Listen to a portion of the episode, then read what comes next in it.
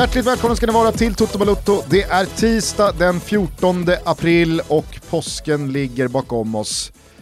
Nu är man ett par kilo tyngre. ja, definitivt. Som man har käkat de här dagarna. Ja, och det är så jävla lustigt att det blir så varje gång. Mm. Och jag tänkte, ja, vad fan, eh, vårpromenader under påsken, det blir ju alldeles fantastiskt. Det blev inte många vårpromenader. Det blev fotboll med tjejerna Mm. och sen så var det bara runt bordet. Jag har ju spelat golf, par varv. Ja. Men, liksom, Hjälpt föga.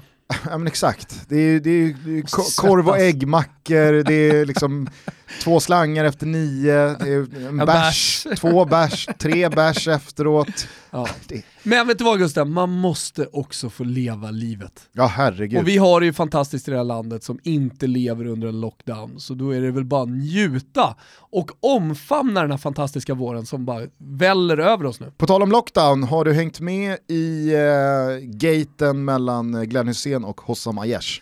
Nej, för att jag såg rubrikerna, jag såg de arga supportrarna, jag förstod att det fanns rasistiska inslag och då, då kände jag bara, jag orkar inte, Gugge kommer ta upp det här så jag får väl reagera på det han säger. Ja. Nej, men det jag menar då med på tal om lockdown, det låter på Hossam Aiesh som att han vill då köra någon slags lockdown på humor. Aha, Att det finns saker man absolut inte då får skämta om. vad är det han har skämtat Nej om? men det som har hänt är, alla tror jag, som lyssnar på det här, har någon gång sett Glenn Hysén skoja med sina har det gått Glenn-ordvitsar på Ja, Twitter. Ja, ja, det är ibland lite snuskigt. Det är fitta kuk och lite sådär. Ibland, ibland kan man tycka att 60-talisterna skruvar lite på sig, du vet, när det där kommer. Sen har vi den magiska... Nej det gör de fan inte, 60-talisterna det är de som garvar. Ja, ja. Sorry, sorry, sorry. sorry. De slår ju med Mm. öppen hand på knät. 80-talisterna, de kommer ju in med moralpekfingret. Ja.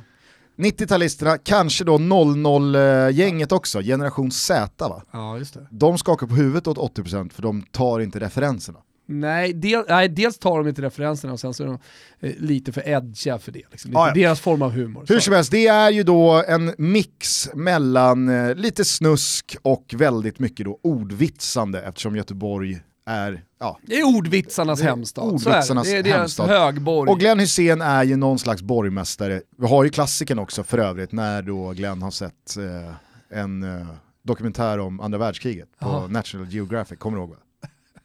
Nej, jag kommer faktiskt inte ihåg det. Koncentrationslägena och Hitler, fy fan vad fittigt. Det är röva, har det gått Glenn. Ja. Den kommer du väl ihåg? Filip och Fredrik gjorde ett stort nummer av. Skitsamma, i helgen då, då så twittrar Glenn Hysén. Skrev han så? Ja, har precis sett... Jag har fan en- missat det alltså. Jo, han twittrade ut för äh, kanske 3-4-5 år sedan. Så, skri- så twittrar han bara, har precis sett en dokumentär om andra världskriget. Adolf Hitler och koncentrationslägren. Fy fan vad fittigt. Det är röva. Har det gått Glenn. Vad fick jag för reaktioner? Alltså det låter, ja, nej nu ska inte vi göra en grej på det för det är tydligen redan gjort som Ja. du säger. Men ja, ja, vi lämnar den och så går vi vidare på Glenn 2020. Ja, eh, då kommer här i eh, lördags eller fredags eller när det nu var. Varför är det så många muslimer som är irriterade på mig? Undrar då Glenn på Twitter. För att Allah heter Glenn i Göteborg. Har det gått Glenn? Det var ju kul ju. Alltså, ett, Eller? Huruvida det är kul eller inte låter jag vara osagt. Tycker Eller- du att det är över gränsen? Nej, men, nej. det fan tycker ju då. Hossam Aiesh, Blåvitt Men ytterforwarden. varför är det över Han är rasande. Okej. Så skämmigt och dålig respekt mot muslimer. Med din ålder och erfarenhet så borde du veta vad som man kan skoja om och inte skoja om. Skäms på dig. Och så har då den eminenta Marcus Vulkan gjort en lite längre då utbroderad intervju med Hossam Aiesh. Nu är det halmstrån som greppas. Samtidigt, ruskig klickis. Du och jag sitter och pratar om det här. Ja, det är Så att Vulkan har ju tydligen Jo, eh, jo, men känsla för... Hur hade det här, vad vad, hade funkar. hänt om vi hade varit i brinnande säsong? Hur stort hade det blivit? Då hade vi förmodligen inte pratat så mycket om det. Kanske inte, men nu är det ju så som det är. Ja, ja, ja, och det är, ändå, det är ändå intressant att prata om. Aiesh utvecklar i alla fall. Jag vet att Glenn är en stor före detta IFK Göteborg-spelare som är en älskad person här i Göteborg. Men samtidigt så finns det alltid gränser. Det kan vara roligt med skämt och sådär, men man bör tänka på att man inte ska irritera folk. Religion och hudfärg... Vänta, vänta, vänta, redan där är han ju snett ute. Det är väl precis det man ska göra som komiker. Nu är inte Glenn Hysén någon komiker, men vadå? Eh, Reta upp folk. Humor- Det är väl det stand-up i liksom hela grejen. Humor som inte irriterar någon faller ju ofta ganska platt. Jag har aldrig varit på Norra Brunn, men en grej som stand-up-komiker gör, jag har aldrig varit på stand-up, jo en gång var jag på Syster och Bror och såg min polares brorsa Ambjörn Paulsen köra. Eh, det tyckte jag var kul som fan, men en grej som de gör är väl att reta publiken lite. De får lite hackkycklingar Mm. och skojar lite med de som sitter där och driver lite med dem. Ja. Ja, ja men jag, jag frågar bara, det, jag, konst, jag konstaterar ingenting liksom här. Nej men Aiesh eh, fortsätter då med att religion och hudfärg är två saker man inte ska gå in på tycker jag. Man ska visa respekt för andra. Då frågar Vulkan, kan du inte se något roligt i den här ordvitsen? Nej, och jag skulle aldrig skoja om någon annans gud. Jag är religiös och Allah är den största för oss och det vet Glenn och alla andra om. Det är ingenting man skämtar om. Alltså, Men vänta, vänta, vänta. Om vi backar bandet bara eh, och går tillbaka till de här eh, Allah-teckningarna en gång i tiden som verkligen var eh, avancerade, eller hur? ja, ja visst. Och retade upp. Alltså där, där finns... Den där danska tidningen som porträtterade vi, ja, han är Allah. väl fortfarande... Nej, porträtterade Mohammed, Ja, exakt. profeten. Ja, profeten, exakt. Big no-no. Eh, big no-no såklart, och, eh, så här, det, det, det kan man förstå och så vidare. Men det här var väl inget, det var en ordvits? Exakt. en- Alltså han anspelar på ordet alla och att Ja. det är nästan som Allah. Ja, Det är, det, är liksom, det är det enda Glenn har gjort här. alltså då är, man, då är man så lättstött kring sin religion om man tycker att det här är jobbigt. Glenn har ju reagerat väldigt då lättsamt. Ja, det är alltid någon som blir sur.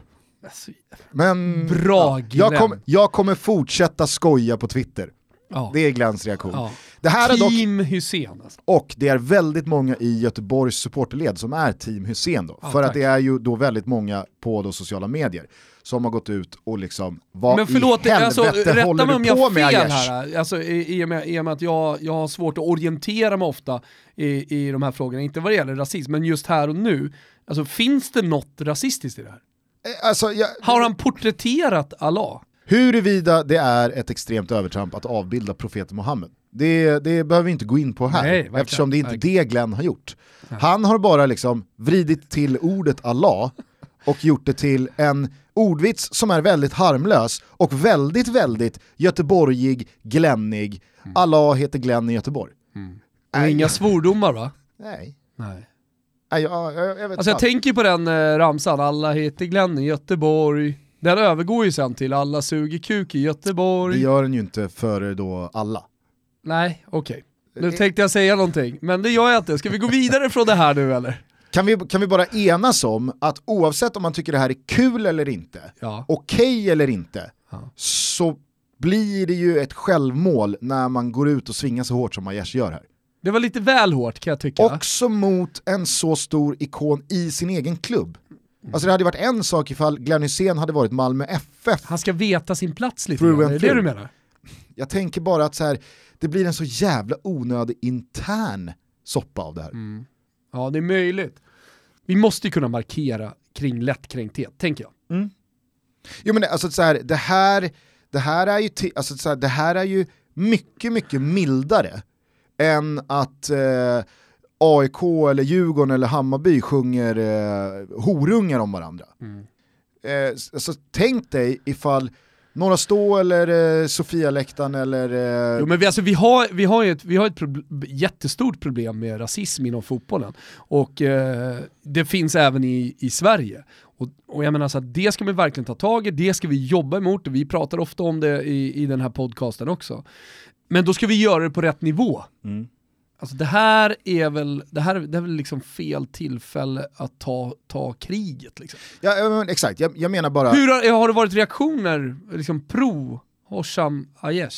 enligt Aiesh så har det varit blandad kompott eh, Okej. i reaktionerna på Ja, då kanske hans sociala kompott också. medier Ja. eh, mot Glenn. Så det är väl Okej. de som har liksom så här, bra Hossam att du har stått upp, och så sådana finns det finns många som så här, Ja. hörru, fäll in taggarna. Mm. Så jävla känsligt var det inte här. Nej. Nej, det- är vad jag tycker. Eh, jag menade bara att, alltså så här, tänk om AIK skulle gått ut Eh, och, och, och, det är inget konstigt Gustav, nej. det är så härligt att det, det, är AIK som alltid används som referens där någon går ut hårt mot något. Nej, det här är tvärtom. ah, okay. För jag tänker då, eh, Hammarby har ju i många, många år kört när eh, någon eh, motståndarmålvakt skjuter inspark. idiot, bonjävel. Åh, sopa, idiot, bonjävel, Lee Baxter. Ja, exakt. Det är ju liksom, eh, oavsett om det är AIK-målvakt. Håller jag på med?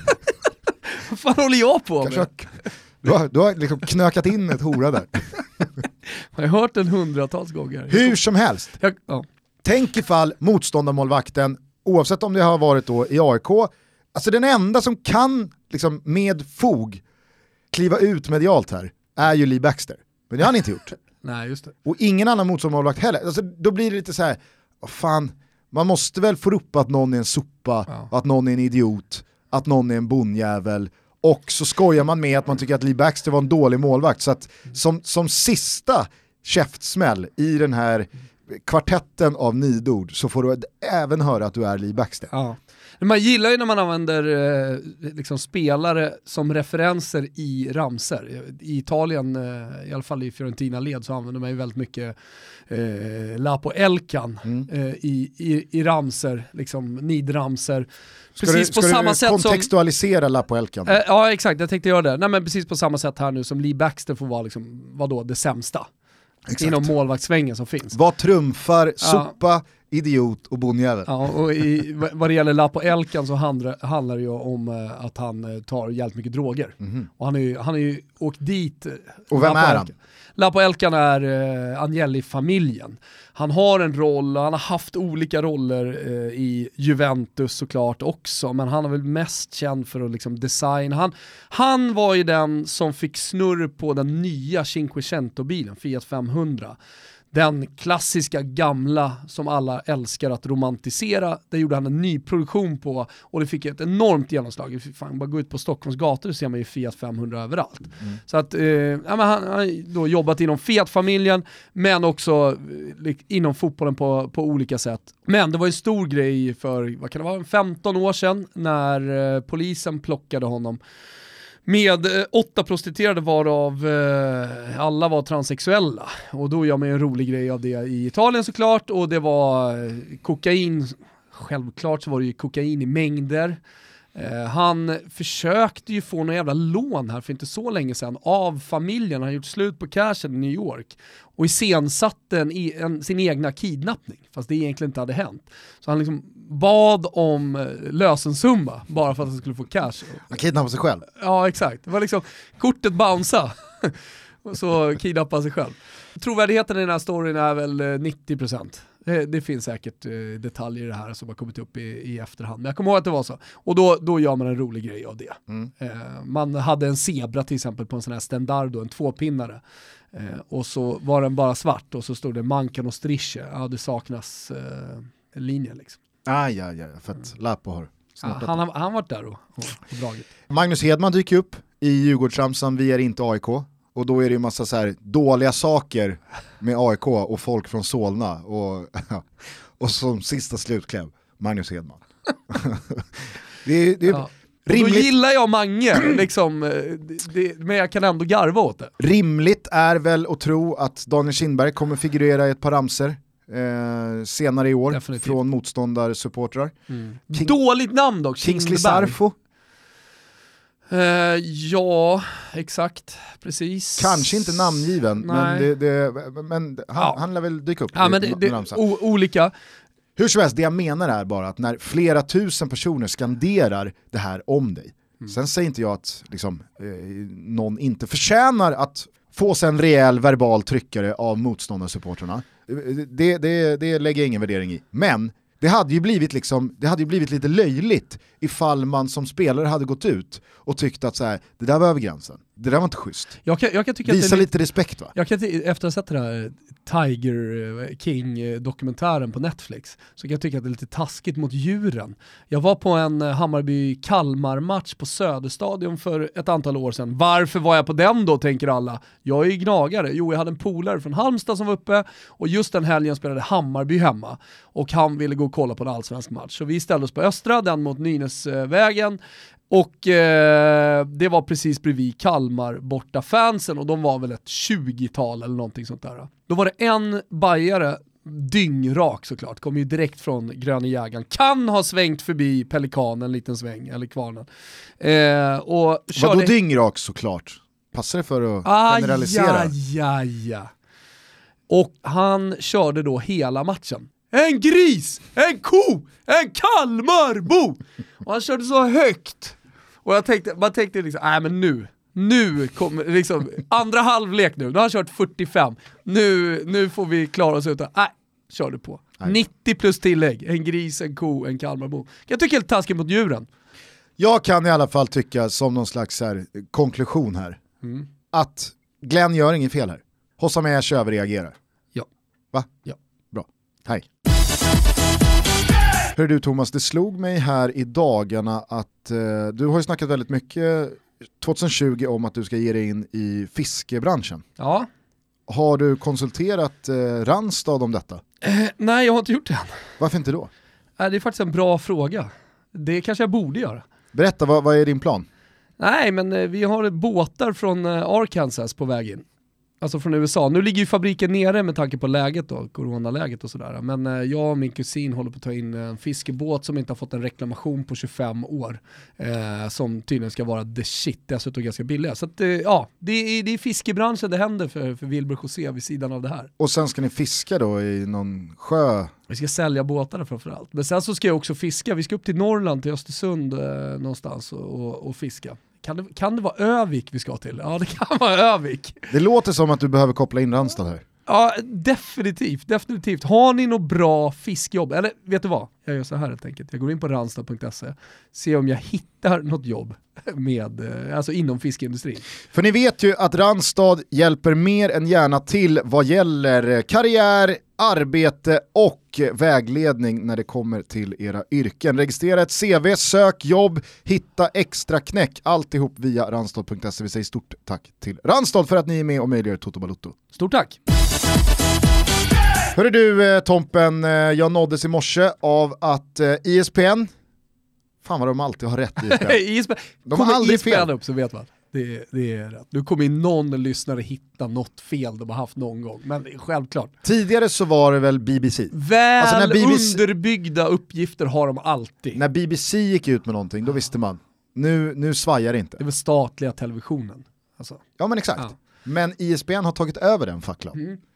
Alltså jag vet att det var väl någon, var, han jobbade väl på ISBN, han som sa redan i november, men alltså Zlatan är klar för Milan. Mm. Oj, oj, oj. oh!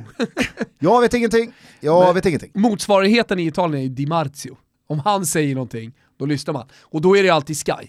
Ja. Alltså eftersom han jobbar för Sky. Mm. Så att Sky Italia är eh, ISBN-motsvarigheten. Och i Tyskland är det väl Bildt va?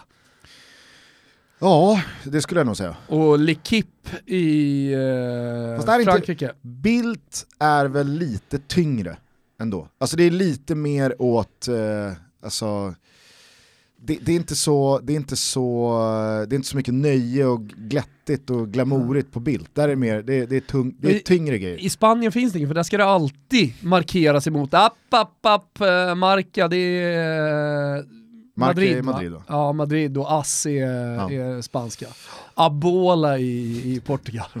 Den tar du alltid upp när du har pratat om Marca och Ass. Alltså, så Abola Jo men i, i, i, Spanien så finns det väl ingen som ISBN, som Sky, Nej, är för Bild. dålig på det. Jag tror inte det. Nej. Jag tror inte det. Däremot så kan man ju säga till exempel att om, Marca säger det om Madrid, då mm. betyder det Hur som helst, vad är det som nu har sagts då? Jo, 6 juni så går ISBN ut och säger att då plockar man upp Premier League igen. Mm. Eh, jag läste någonting om att eh, eh Ligue 1 siktar på 17 juni. Går väl lite stick i stäv med dels då Macrons tal till nationen igår där han då förlängde den totala lockdownen med liksom en månad. Äh, vi kör vidare till 11 maj. Mm. Så att det verkar inte vara, det verkar inte vara liksom, snart ska vi gå på fotboll igen läge i Nej. Frankrike. Dessutom såg jag att 40 av de typ 60 eh, största supportergrupperingarna i Frankrike har tillsammans gått ihop och sagt det ska inte spelas fotboll i Frankrike förrän publiken får vara på läktaren.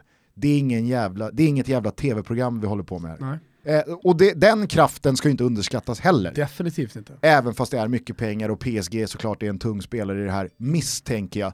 Men om, eh, om supportrarna är så enade i den frågan, mm. Då kan jag tänka mig att datumet för fotboll inför tomma läktare stöter på patrull. Och det ska sägas som ingen förstod det, Premier League-datumet 6 juni, det är eh, då eh, inför tomma läktare inte med publik. Nej exakt, det går väl inte att spela några fotbollsmatcher någonstans i Europa eller det kommer inte att spelas några fotbollsmatcher någonstans runt om i Europa, inte ens i Sverige med publik eh, fram till i alla fall juli. Eller? Det är väl Vitryssland emot? Ja, är det Europa? För de har inte stängt ner. Är det Europa? Vitryssland är Europa.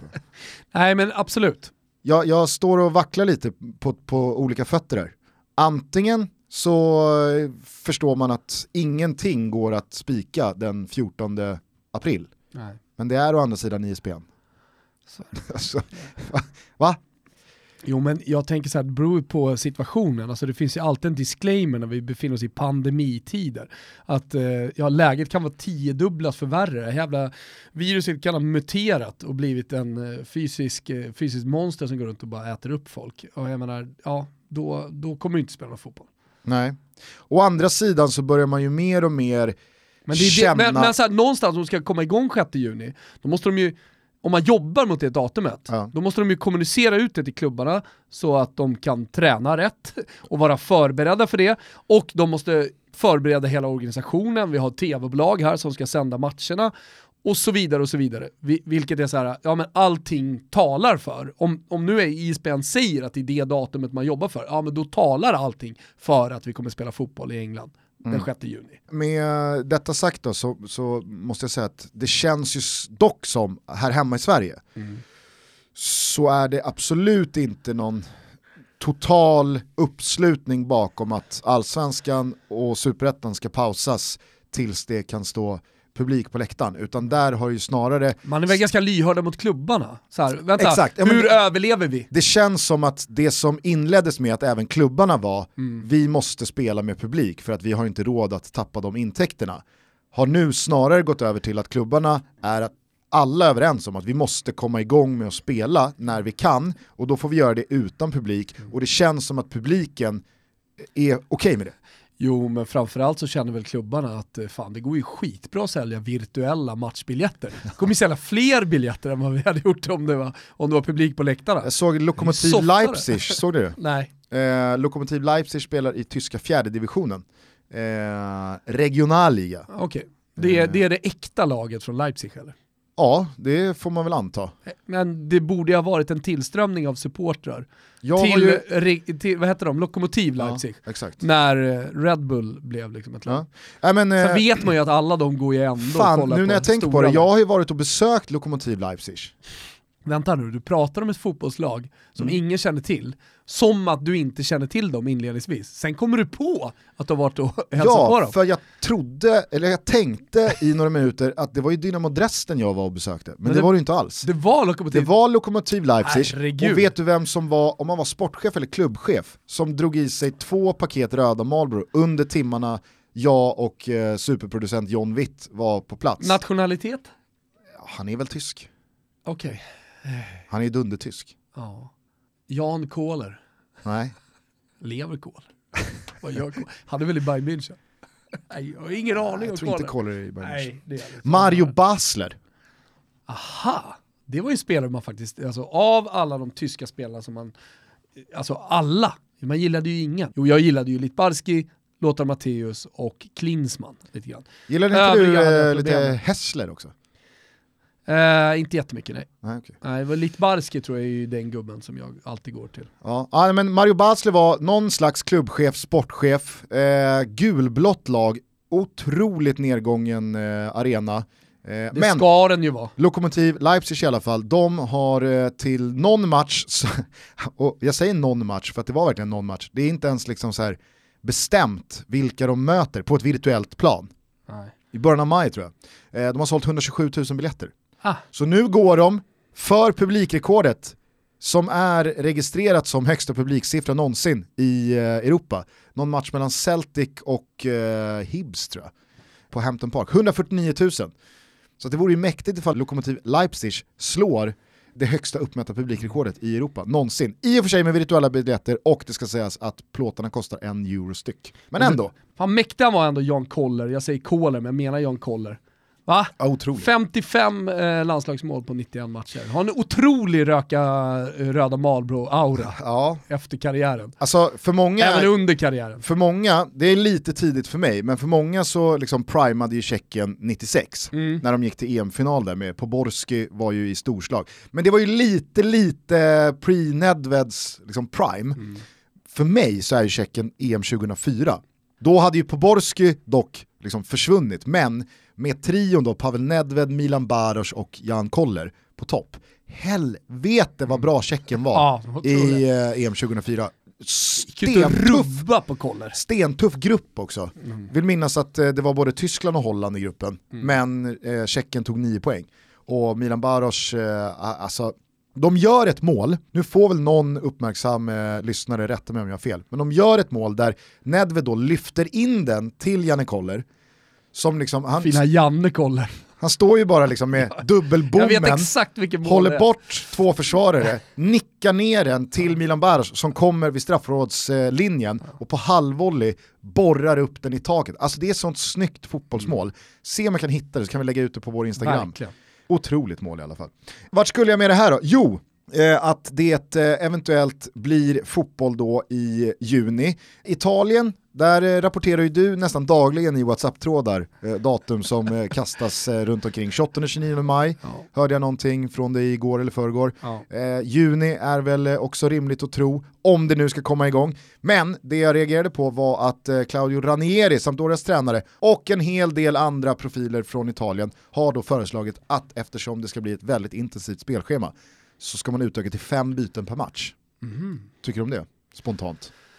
Eh, Vår gode vän Kviborg gick ut på. Twitter och hyllade. Ja, spontant. Alltså så här, det är ju speciella tider. Kra- Eh, så Ranieri säger då inte- så här, vi kommer förmodligen, om vi ska f- spela färdigt den här Mm. säsongen, ligga på tre matcher i veckan. Och vi har en hel del lag som men faktiskt har drabbats av coronakrisen, av coronapandemin, Mm. I sina lag rent fysiskt. Precis. Eh, och det blir ju som någon slags eh, liten försäsong som lagen befinner sig i just nu. När vi pratar med våra kompisar som är proffsspelare så handlar det ju väldigt mycket liksom om att hålla igång och sen så ju närmare säsongen, så att säga återupptagandet av säsongen vi kommer så kommer det bli mer och mer intensivt. Eh, så att de kommer inte vara i liksom dunderslag heller, tänker jag. Alltså i matchformmässigt. Nej, Nej precis. Och, där, och så ska de spela var tredje dag. Nej men jag är pro också, jag, jag väljer att backa Kviborg här. Mm. Det är inte alltid man gör. Pro fem byten per match då. Och sen är det ju lite sådär, säger Ranieri det? Är han? Det är en sak att man är team Kviborg sådär, men jag lyssnar ju på Ranieri. Det var, det var faktiskt förvånande när du sa, jag är team Kviborg här. Jo men det var för att Ranieri. inledde med det. Ja, jag tror Han- jag inledde med Ranieri. Ja okej då. Vi är sponsrade av Betsson, vi pratade om fiske nyss. Eh, Folk kallar mig för en fisk. Mm. Har du lärt dig vad det betyder? Ja det är väl förmodligen att jag är usel. Nej. Nähä. Fisk är ju, alltså det har ju med fiske att göra. Okej. Att du sitter liksom och synar och synar för att du fiskar efter färger och stegar. Och, istället för att då som eh, hajarna, Mm.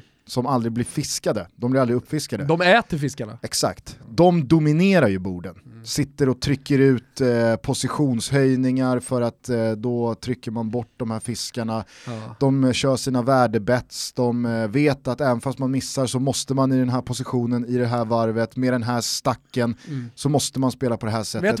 Och så lägger sig fiskarna för att ah, nu blev det lite för dyrt, jag har ett stegdrag men nu är det lite för dyrt. Och det är därför hajarna blir så sura på fiskarna när de blir utdragna för att det kommer då en klöversexa på riven, alltså sista kortet. Ja. Och så kommer det då en färg eller en stege och så har då hajen som har suttit på något set eller eh, tvåpar eller vad det nu kan vara och har liksom så här alla procenten på sin sida för att vinna handen och så får han betala av den här fisken, då blir ju hajen rasande. Jag räcker upp handen, jag lägger mig, räcker upp händerna bara, jag lägger mig platt, lägger mig som en kyckling Gustav, om vi ska fortsätta på djurtemat, med stjärten rakt upp i, i vädret och säger ät mig.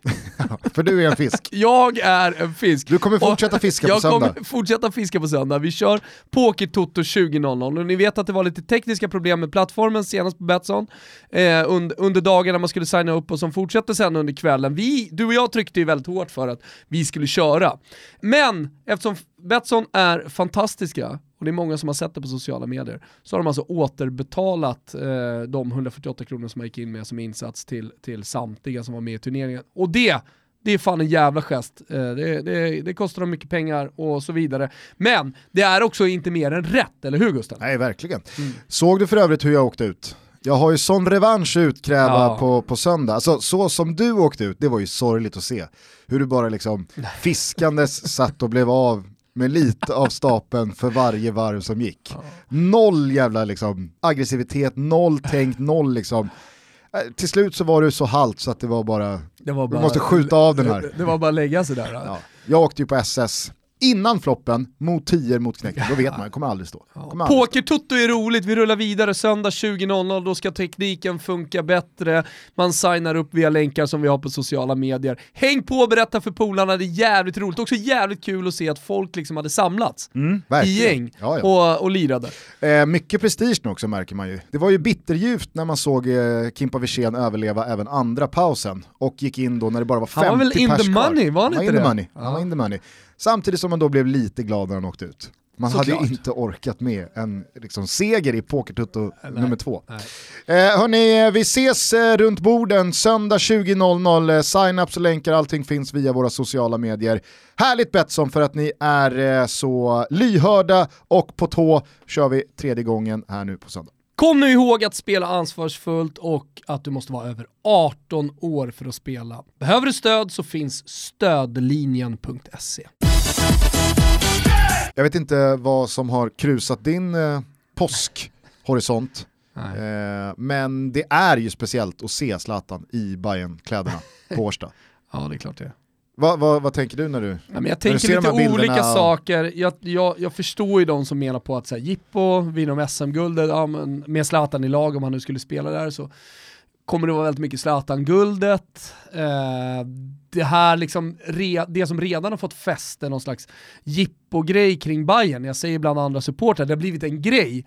Jag säger inte att jag håller med om det, men eh, det, det förstärks ju så jävla mycket nu när, när han är där, så det tänker jag ju på. Jag är, jag är lite mot eh, Twitter-gliringar. Alltså det här som några av våra kompisar håller på med tycker att det är skitkul.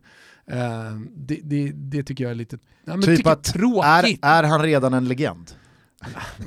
jag tyckte det var lite fint. Ja, det, det var ju fyndigt. Två fyndigt. träningar, ja. legend. Annars gillar jag Hoffman där väldigt mycket när han till exempel skriver fan vad man ser fram emot MFF Hammarby. Mm. Till exempel. Och så tänker man, vadå? Ja just det, ja mm. Zlatan och alltihopa. Det Samtidigt som de här bilderna kommer. Men eh, det tänker jag på. Sen så tänker jag på att eh, ja, men dagen närmar sig. Mm. När Zlatan spelar en match för Hammarby. Mm. Eh, det går inte att göra, alltså så här, nu har han ju brytit isen någonstans. Nu pratar folk och, ja men du vet, media är där, det var hundratal på träningen och kollade, det är liksom igång, hela maskineriet är igång. Mm. Och då är det, liksom, om han tycker att det känns okej, okay, för jag tänker att han inte har fattat något slags beslut än och vad jag hör så har de inte pratat så mycket mer om det i styrelsen tillsammans med Zlatan utan nu är situationen vad det är, han är nere och tränar så får vi se vad som händer. Men att han i sitt huvud börjar tänka mer och mer att fan jag kanske ska spela det här laget. Mm. Jag kanske ska ta de här gubbarna under mina vingar. Han äger ju trots allt 25% så jag menar om han vill göra det bästa för den klubben han äger 25% för, då ska han ju spela i den klubben. Ja. Det kan man ju krasst konstatera. Så är det väl. Alltså här, vill, vill han göra no någonting riktigt gott för den här klubben som delägare, då ska han ju se till att trycka in sig själv i laget. Jag, eh, jag har liksom absolut svårast att smälta spelarna han omges av. Alltså Såklart! Det, det, är, ja, det är, du, som, du gå det är som, det är som kollisionskurs i mitt huvud när jag ser, med all respekt för David Fällman, men liksom så här, David Fällman och Zlatan Ibrahimovic i samma lagställ på samma träningsplan och sen så joggar Gustav Ludvigsson förbi som spelade i ÖIS i Superettan i fjol och Davor Blasevic som har varit en habil reservmålvakt. Alltså så här, de, det, det är samma lag. Mm. Zlatan, de spelar med Zlatan Ibrahimovic. Och dessutom har man ju med skräckblandad förtjusning då följt klicken av spelare i Bayern som man vet dör för det här. Alltså, du har Vladimir Rodic, Muamer Tankovic, såklart. Ja, Abbe Khalili mm, exakt. har ju också, alltså så här, Abi Khalilis smile Jag har- går bakom på den där bilden. Ja, men det, så det- jag, har inte, jag har inte själv varit på plats på Årsta, jag har bara sett liksom, videofilmerna. Anne Lavdic har ju varit eh, väldigt frikostig, Fotboll Stockholm har varit där också. Ja. Man har kunnat se mycket mobilfilmer på sociala medier och sådär. Alltså, Rodic var ju uppe med någon selfie på Instagram, och man vet, man vet hur mycket han brottas internt att, okej jag vet ju att Zlatan kommer ju tappa lite respekt för mig om jag ber om en bild och lägger ut den här på Instagram. Men man vet också att han å andra sidan tänker, fast det är Zlatan. Jag får ju, all, jag får ju liksom inte den här chansen igen. Det här kommer, alltså alla polare kommer ju dö för det här. Så att han, han, måste ju brottas så jävla mycket mellan det här. Men jag tror ändå att man i Rodic fall och egentligen i allas fall ska försöka vara lite defensiv med, med selfies. och Exakt, bara exakt. Men vad händer- stora idoler, för det fattar alla ändå. Och vad händer sen då? Efter selfie? Jo, då kommer den här filmen där de står och nöter avslut, efter passet, Mm, just det. igår eller förrgår eller vad det var. Rackarrökan. Ja, Oj, oj, oj, vilken rackarrakare! då twittrar ju Rodic ut, liksom tweeten från Hammarby Fotboll då, officiella kontot, att eh, Abi Khalili, Mamer Tankovic, eh, Vladimir Rodic och Zlatan Ibrahimovic eh, nötte avslut efter dagens träning. Ah, då subtweetar Rodic den och hashtaggar Fantastic Four. Hej, är det sant? Det har jag missat. Sluta. Han har liksom gjort sig lite grupp där. Han känner att fan, jag är på väg in i Zlatan. Ja, vilka var Zlatans gäng i, i landslaget? Det var Mellberg, Chippen Chippen, och, eh, och Salle. ja. Och de är ju polare fortfarande, Ja, det ja, vet ja. ju Rodic om. Tänker han, fan kan jag bli Zlatans polare? För jag hoppas, jag hoppas att Zlatan Ibrahimovic går tillbaka, att han inte är den här vuxna Zlatan, erfarna, pappan i laget, utan att han går tillbaka och blir Zlatan i Inter. Jag vet inte om du såg vad Mario Balotelli sa. Ja, jag såg det. Ja, ni som har missat det då, så berättade han om tiden då han var på väg upp i A-laget, fick träna de första träningarna, han var 16 år och Zlatan var liksom den stora, eh, en av de stora gudarna va? I, i laget. Han kanske var, ja, han var den största, Ja, han var den som gjorde absolut. alla mål, sorry. Absolut. Ja, ja. Jag bara tänkte att det var, Zanetti var där och så vidare, men Zlatan var liksom fixstjärna Mm. i, i Inter. Skyttekung. Och, och det, det han gjorde då, sättet han hanterade Balotelli på, var att här, liksom bara hela tiden snacka ner honom. Du är för dålig, gå hem, du har inget här att göra, visst du gör den här träningen men sen så blir det inget mer eh, A-lag för dig. Men bakom det, så det var så han hanterade för han tyckte väl kanske att han var lite kaxig, behövde trycka ner honom, att det var bra för hans utveckling tror jag Zlatan tänkte lite grann. Eh, sen gick han ju till Mino Raiola och sa jag har en gubbe som kommer bli bättre än mig och det är eh, Mario Balotelli. Och sen blev han ju Mino Raiola-spelare och han fick en han fick en karriär.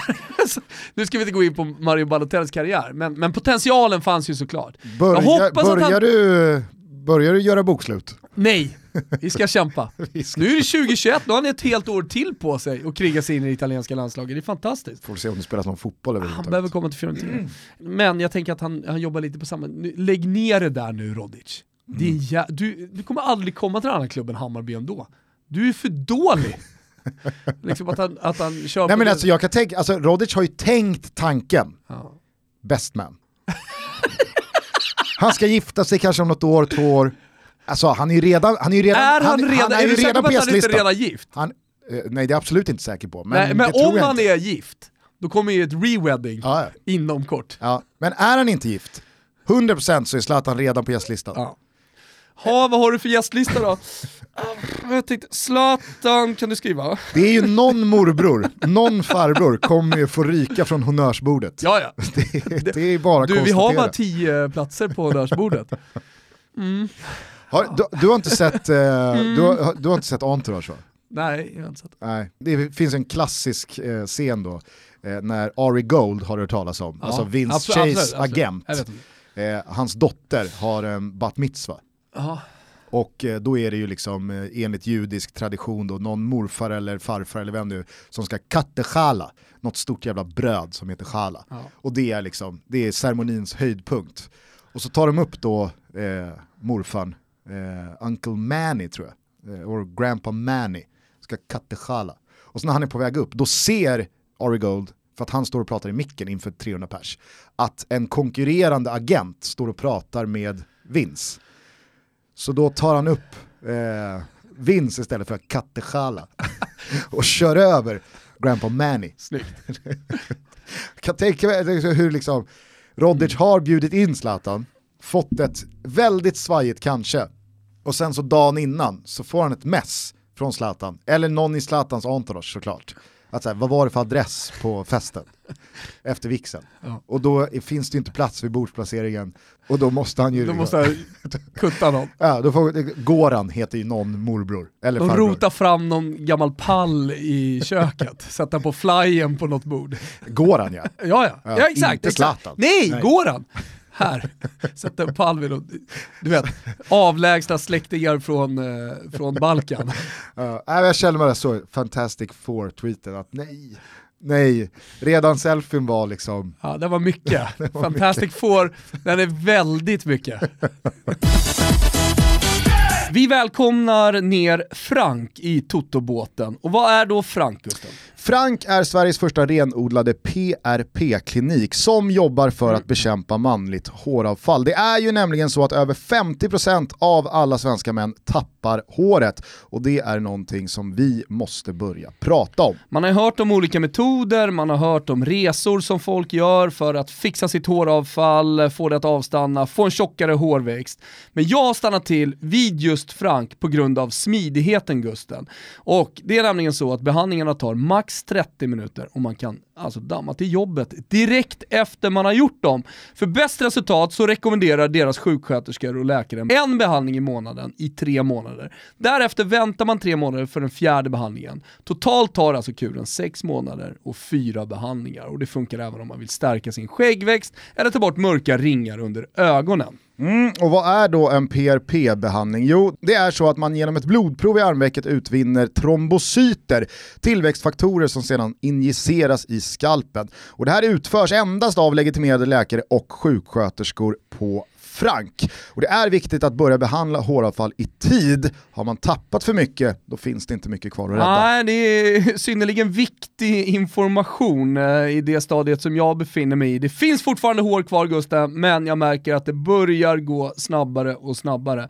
Jag har gått in på frankhair.com, här som är hår på engelska, alltså H-A-I-R, frankhair.com och eh, surfa mig runt, kollat de olika behandlingarna. Och använder man sig då av koden TOTO, lyssna nu noga, ja då får man 15% rabatt på alla paketlösningar. Gäller hår, skägg, ansikte, ringar under ögonen. Den här koden gäller april ut, men bokningen man gör kan ske upp till och med om ett år och Frank ligger på Grev Turegatan 10 här i Stockholm.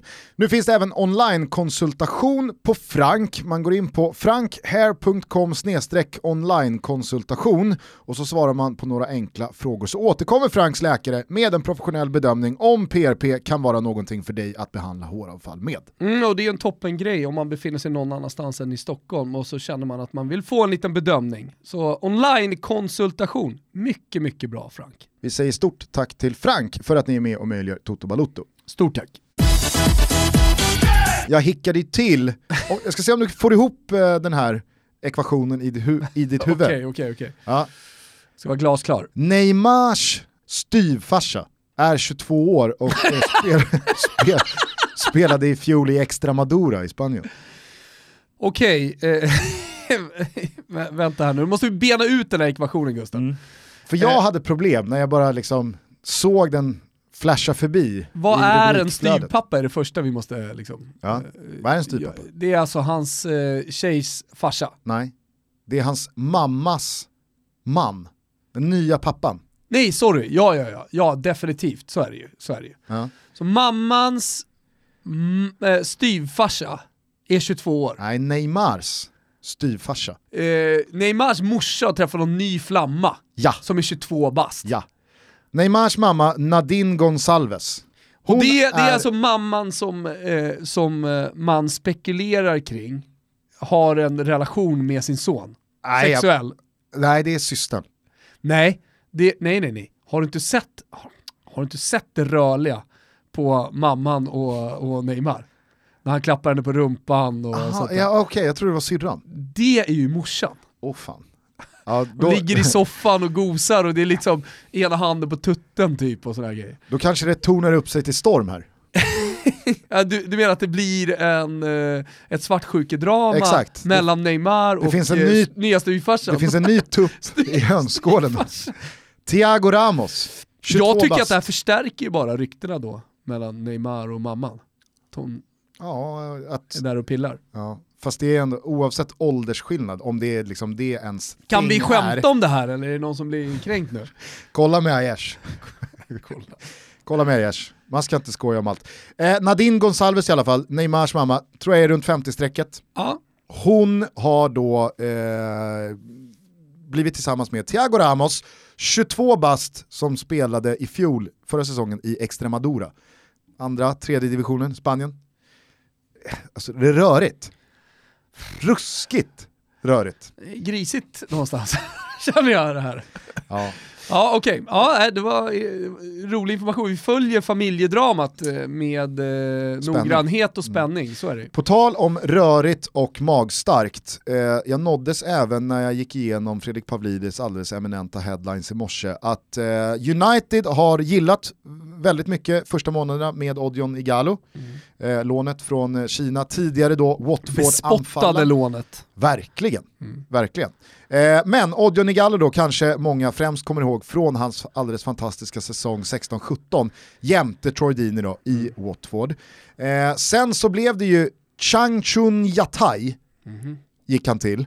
Spelade där i eh, två säsonger innan han i fjol gick till Shanghai, Greenland, Shenzhou. Av Wikipedia-statsen att döma ligger han på ett bra målsnitt, någonstans 0 0,5 drygt. Och det är väl bra, tänker jag. Alltid svårt att värdera kinesiska ligan som man inte kan liksom, överhuvudtaget. Men eh, över 0,5 är alltid 0,5. Men det jag reagerade på var då att United hade gått ut att ja, men ska vi förlänga vårt lån med Igalo, då behöver han gå ner 200 000 pund i veckan. då tänker jag så här. Gå ner 200 000 pund. Jävla mycket pengar Exakt. tjänar han då. Ja, och då enligt eh, de mediala samstämmiga rapporterna från Storbritannien kring detta så ligger alltså Igalo på 300 000 pund i veckan i då Shanghai, Greenland, Shenzhou. Det är otroligt. Alltså då börjar man ju få liksom, förståelse för varför spelarna drar och checkar. Men, alltså, jag, jag vet, det här är ju liksom så här, går det att vara senare på den här bollen än Ja, vad jag Hulk, är just nu. Hulk. Hulk, Oscar Ja, och. Witzel och så vidare. Men det är, det är sådana sanslösa pengar. Mm. Alltså vi sitter här och ojar oss och svettas över Mackan Danielssons, vad var det Disco rapporterade? 70 millar över tre år. Men i 70, Mackan Daniel... 70 millar drar alltså Igalo in på, vad blir det, 300 000 pund, det är 3,5 miljoner i veckan. Det är 14 millar i månaden. Det är alltså eh, 4,5 månad skakar Igalo ihop Mackan Danielssons hela kontrakt. Med bonusar och klausuler, slut på citat. eh, om det nu stämmer. Ja. Alltså det är helt otroligt. ja, det är faktiskt otroligt. Helt jävla sanslöst. Mm.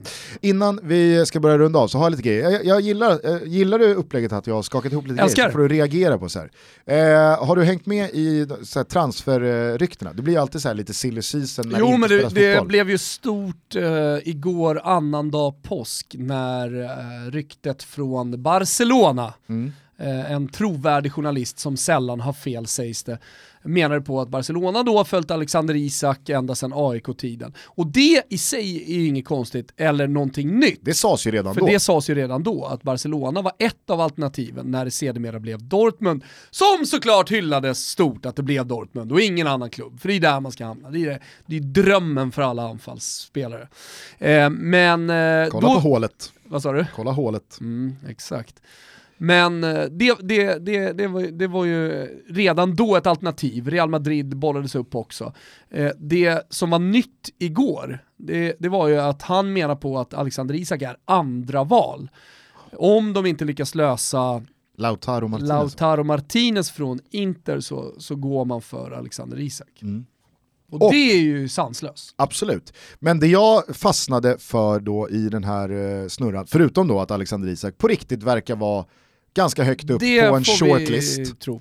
eh, hos Barca, eh, var ju då att då, då klev ju Inter in och sa att eh, vi ska inte bara ha pengar för Lautaro, utan vi ska ha Griezmann. Mm. Och då tänker jag, med tanke på hur snett Griezmann har hamnat i Barca, Mm. vore inte han perfekt bredvid Lukaku i Inter? Jo. Alltså lite, Alltså jag tycker att Lautaro Martinez och eh, Lukaku är ett fantastiskt Ja, anfallspar. ja, jag Så säger att Det ingenting. får gärna fortsätta men vara. jag tänker istä alltså, istället för bara inom citationstecken pengar Ja. för Inter, för att vem ska de ta då? Ja, men så här, i, sluta, i, I slutändan så tror jag att just det, den swappen, Mm. jag vet inte om det ska pengar emellan eller någonting, jag har svårt att värdera de här spelarna i och med att Griezmann var väl en, var en topp fem på Ballon d'Or. Ja, han själv tyckte att han skulle vinna. Ja, det tyckte 2018. ingen annan. Nej. Nej. Ehm, m- m- men med tanke på hans höjd liksom han har i, i spelet och med tanke på att Lautaro Martinez, Mm. han går till Barca den dagen Barcelona vill ha honom, förutsatt att liksom, de betalar det Inter vill ha. Ja men exakt, och det är därför jag tänker att eftersom det är Barca som är intressenten som ligger på om Nej, Lautaro, inte tvärtom. Ja. Så är det ju Inter som får pengar emellan. Det är inte Barca som får pengar emellan. Och vet du vad Inter behöver? Det- de det behöver inte- det är- experter. Det är inte så att Barca sträcker upp handen och säger Inter, vi vill ha er med reservation för att man inte behöver tycka att Lautaro Martinez är eh, Inters bästa spelare. Men de säger vi vill ha Lautaro Martinez, eh, så att eh, ge oss lite pengar Mm. så får ni Griezmann. Det är inte, så- alltså, om de är de som vill ha Lautaro, Mm. då får ju de erbjuda en spelare och cash, om det nu ska vara en byteshandel med en spelare. Ja. Eh, Men jag tror för båda spelarna, om man bara ser rätt sportsligt, så tror jag att det är en jätte, jättebra affär. Alltså och för Inter också. har ju aldrig varit aktuellt sen Antoine Griezmann blev Antoine Griezmann. Eh, men det är det nu. Och det är det ju också Säg för att han har Inter. en svag säsong, Mm. personligen också. Ja, och, Och säg någonting har- om vad, vad som har hänt med Inter, att det, är en, det faktiskt är en destina, slutdestination för spelare. Ja. Kolla på Christian Eriksen, nu har han i och för sig en jävla märklig situation i Inter där han i elver liksom inte riktigt placeras nu. Alltså, han måste gå in och vinna Contes förtroende. Conte inte riktigt liksom, ja men i sitt sätt att spela hittat en plats för honom. Nej, och det, det ska jag också säga så att konkurrensen är ju mördande. Ja. Och det säger ju också någonting om var Inter befinner sig nu. Det finns så jävla många MVP in disguise i Inter. Brozovic har ju Ja. ett jävligt bra exempel. Jo men och sen så Sensis eh, start på säsongen, hans höst, Ja. så är det många som säger Vesino, Ja, faktiskt. Han har, han har höjt sina aktier inom Interled, inte bara. Och sen så Barella då som ska vara the, the next big thing. Exakt. Hur som helst, vi får väl se vad som händer i Barcelona. I den andra stora spanska klubben, Real Madrid, där har det också varit jävla mycket snack senaste tiden. Nu stängdes väl lite dörren Lite Glenn för... Hysén eller? Möckesnack. Nej, det var bara en konstig betoning. Nu Jag känner mig stängdes... lite kränkt. Sorry. Nu stängdes väl dörren lite va, för Haaland i och med att den här utköpsklausulen på 75 miljoner euro från Dortmund inte aktiveras förrän nästa sommar. Och då tänker jag, nu är det ju väldigt, väldigt lång tid dit. Eh, och eh, beroende på vad coronan vill, mycket eller lite fotboll som ska spelas fram till dess också. Men om det nu stämmer att Real Madrid då både kikar mot Aubameyang, vilket jag tycker är märkligt för att Aubameyang är lite för gammal. Alltså, Släpp den gubben säger jag. Jag tycker han är fantastisk, men släpp den gubben. exakt, det är fel, Prenumerationen på det abonnemanget, eh, det har gått ut. det är fel Det, kuse. det går i alla fall gått ut nästa sommar. Ja. Bindningstiden på ett sånt abonnemang är lite för länge för att du det. som kund ska vara nöjd i 36 månader. Därför tycker jag att det här liksom Auba, nej, nej, nej. Men eh, då läste jag att Jeremy Rotin, eh, gamla stora franska Ja. spelaren, stor, var han stor? Ja, nej, det var stor? Ah, han var inte så stor. Upp lite för mycket. Han sa ju då att nej, men Mbappé är klar för Real Madrid. Han har varit Eh, ett tag nu. Exakt, men att då, vem vet vad coronan innebär för... Men på tal om att Lauro, ja, ingenting kan stoppa Lautaro Martinez för att gå till Barca. Och där får inte försöka göra så bra deal som möjligt. Ingenting kan ju, kan ju stoppa Mbappé för att gå till Real Madrid. Det har väl liksom stått klart ganska länge. Jo, det finns ett annat spår. Mhm. Det är då att Real Madrid istället nyper Mané och att Liverpool då kliver in och tar Mbappé.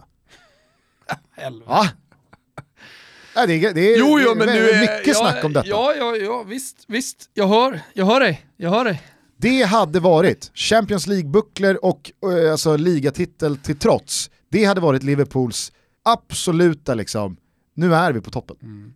Och sen så har det ju legat en jordbävning. Om Liverpool tar Kylian Mbappé, Ja, då är de, eh, då är de här på täppan. det är de nog kanske. Men, håll med om att det har, liksom, på seismografen så har man känt av en mastodontjordbävning alla tidigt 90-tal i Kalifornien kring just Real Madrid. Att det är de som kommer utlösa den här jordbävningen. Alltså någonting måste hända med Bale och ja, äh, Vinicius Junior, liksom hela där, den där anfallsuppsättningen sen Cristiano Ronaldo lämnade. Någonting stort, någonting rejält, Man någonting som får att, man trodde att det allting- var Hazard, Ja, Alltså, sen hade ju aldrig, och det har väl han aldrig haft, oförtjänt eller inte, låter jag vara osagt, men Hazard har ju aldrig haft liksom, topp tre, alltså, det har aldrig varit en Cristiano Ronaldo, det har aldrig varit en Neymar, det har aldrig varit en Messi. Han är ju otrolig, jag älskar Eden Hazard, Mm. men när de tog honom i somras så kände man ju inte, okej bra, då är Real klara för fem år framöver. Och sen så har ju säsongen De har ju därefter ingen blivit... fantastic four med Hazard. Nej. Nej men som du säger, alltså Bale och Benzema är ju två spelare som har varit och i viss mån väldigt mycket är bärande i deras offensiv och de kusarna kan man ju inte fortsätta satsa vidare på.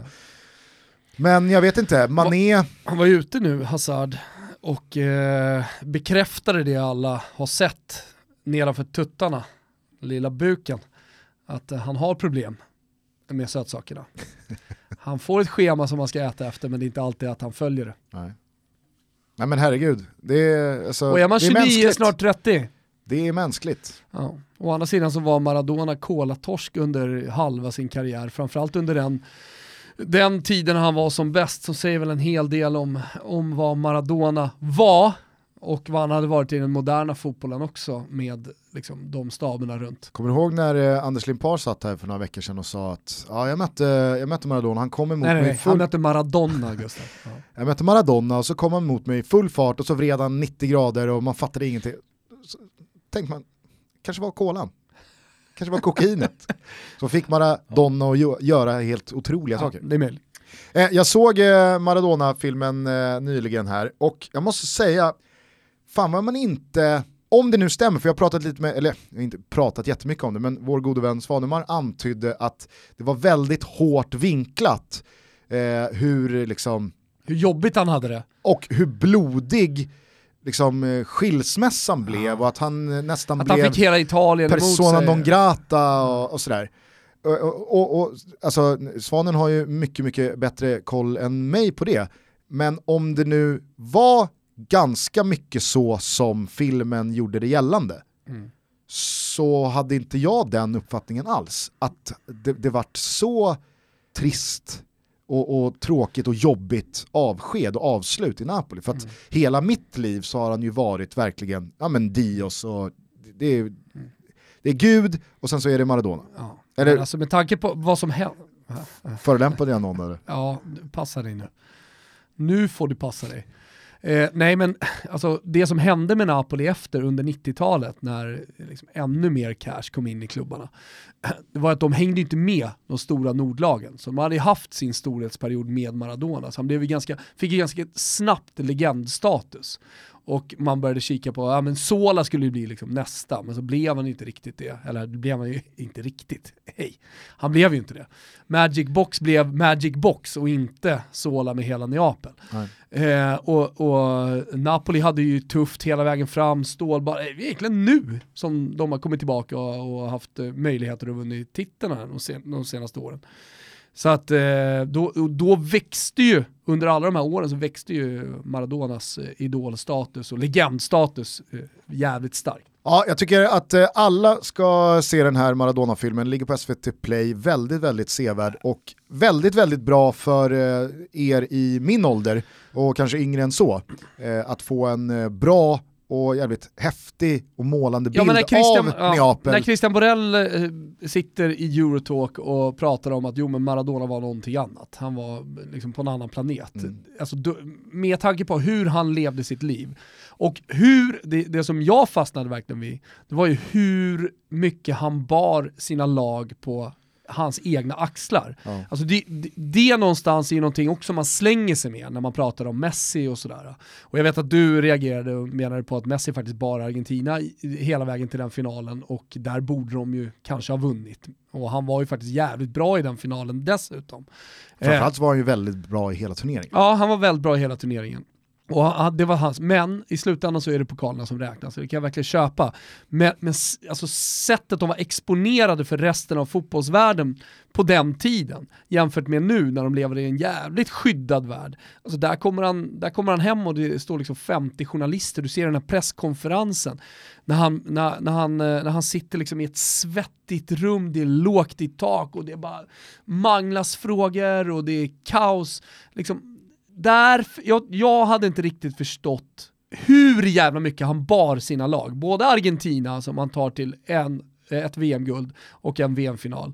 Men också framförallt då klubblaget eh, Napoli. Ja, men jag kommer ihåg det, eh, Mot hela norra Italien och allting som har varit. Eh, det, det var... jag, jag kommer ihåg eh, att jag tänkte, Jävla börda! ja, Den där ringen i, i Sagan om ringen, den är ingenting jämfört med det, med den bördan Maradona bar på. jag är dålig på fantasy-referenser. Jo, men vi har lyssnare som tar den. Hur som helst, jag kommer ihåg VM 2010, då var ju Maradona förbundskapten för Argentina. Och då så var det efter någon match i mixade zonen så var det fullständigt kaos. Och så tror jag att det är Jane Björk. Det är klart att det var Det är Jane klart Björk. att det var Jane Björk. Queen of everything, Ja. Jane Björk. Hon ställer någon fråga, Fått frågan att vara med i podden. Då Ja. stod jag på Appiano Gentile, dagen innan, två dagar innan kanske var, eller dagen innan. Eh, Inters Italiens- träningsanläggning. Exakt. Det var fint namn, Ja, Appiano Gentile. har väl bytt namn nu kanske. Eh, hur som helst, eh, två dagar, dagen innan Sverige, Ita- eh. Italien-Sverige på San Siro. Ja. Eh, tryckt stämning. Mellan dig och Jane, Nej, Nej. där var det eh, mer morsomt. härligt. Eh, hur som helst, vi, vi jobbar på att få Jane till podden, men då ställer hon frågan till Maradona att hur, hur klarar du av allt kaos och all press runt omkring dig? För då zoomar kameran ut och så ser man liksom att det är 50, 60, 70 reportrar som står i en flock runt Maradona. Och han svarar Jane Björk bara, kaos? Det här är ingenting. Du, liksom, har du varit i Neapel någon gång? Ja. Då, och då tänkte man så här, fan var det då? Ja. Om det här är liksom någonting Maradona bara liksom lättsamt rycker på axlarna åt. Men så såg man den här filmen och så fick man sannoliken en, alltså det, det är ruskigt mycket bra bilder. Ja. Alltså otroligt material. Verkligen. Eh, så att, eh, den rekommenderar vi alla att se. Vi rekommenderar även alla att se fina dokumentärer på Simor. På en mycket, mycket mer eh, tragisk not så finns Hillsborough. Mm. Såg jag om för några dagar sedan. Och de, och på tal om så här, de, alla bör se Maradona, alltså Hillsbury bör ju verkligen alla Ja, se. och, eh, Så man också förstår vidden av det Ja. och hur det påverkade hela den engelska fotbollen. och med helt andra incitament i samma liksom, typ av omnämnande så är det också även otroliga bilder därifrån. Mm. Alltså det är, det är vidriga bilder, Ja. men de är otroliga. Och alltså, det är magstarkt och så jävla hemskt och tragiskt och bedrövligt. Men eh, väldigt, väldigt bra. Mm. Så den rekommenderar jag eh, starkt. Och sen så fortsätter ju sportredaktionen på Tegeludden dunka ut klassiska allsvenska matcher. Mm. Såg, eh, det var väl eh, det här AIK-Djurgården-derbyt från 2002. Eh, 4-3, när Andreas Andersson sätter en eh, stillastående eh, med, är det den snyggaste VM-bollen som gjorts? Den är snygg. När Adidas Ja. eh, med röda Framförallt så var det ju liksom den bollen då man gick ifrån Mitre liksom. Nej men såhär, Select, eh, de Ja. körde på med sin klassiska... Ja. Det var den första liksom, lite spejsade bollen. Exakt, när det började verkligen komma in teknik i bollarna. Mm. Det var väl mindre sömmar, det var inte det grejen? Jo, det, det var väl grejen och sen så fick de en, eh, bollarna fick en annan bollbana och allt det där. Mm. Jag hade ju en Mitre-boll som pappa köpte i London. Den sköt jag upp i taggbuskarna en gång för mycket på, på tomten.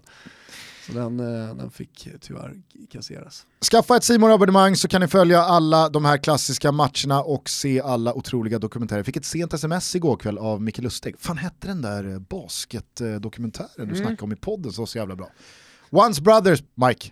Det. Gråtfest. Ja, Otroligt bra. härligt. Nej, men med det så stänger vi väl ner eh, tisdagstoto. Jajamensan, och vi börjar förbereda oss inför den stora dagen som är imorgon onsdag. Ni kommer att få ta del av den på torsdag. Vi släpper 05, det är nämligen så att förbundskapten Jan Pliten Andersson kommer förbi. Ska vi bara prata om eh, hans tid som eh, fängelsevakt? Ja, lite, lite landslagsfotboll. Okej, vi får säkert in lite fotboll också. Tror också vi ska eh, dra åt eh, skruvarna och få ur Janne även ett karriärs dreamteam. Det är alltså som han har spelat med. Nej, tränat från klubblagstiden. Kommer han inte vara ruskigt defensiv? Jag kan ändå tänka mig att, han- alltså i och med, jag Kommer hörde, man behöva säga så här, jo men ta ett, alltså så- inte spelar du tränar just nu. nej men det är ju landslaget och det säger väl sig självt att, vad fan det, det, det måste ju vara Ja, de bästa. ja. Men eh, han har ju faktiskt ganska många vi, bra... ska, ska han få ta ut ett, eh, men jag ett tänker Halmstad och Norrköping. Ja, från Halmstad Norrköping. Han var ju Halmstad i eh, en oändlighet. Mm. Och Det sen- kan vara kul. Ja, var väl ÖIS en kort sväng också. Mm. Eh, men känslan är att det inte kommer vara några ÖIS-spelare i karriär, karriärens dreamteam. Vem vet. Eh, Janne hör ni på torsdag. Ja, för alla morgongluggare, vi älskar er där ute. Vi vet att ni går upp i ottan och kämpar och krigar för oss andra jävla lallare runt om i det här landet. Ni får avsnittet no- Fan om vi ska sätta 04.30 Gugge! Vi sätter 04.30! Så är det.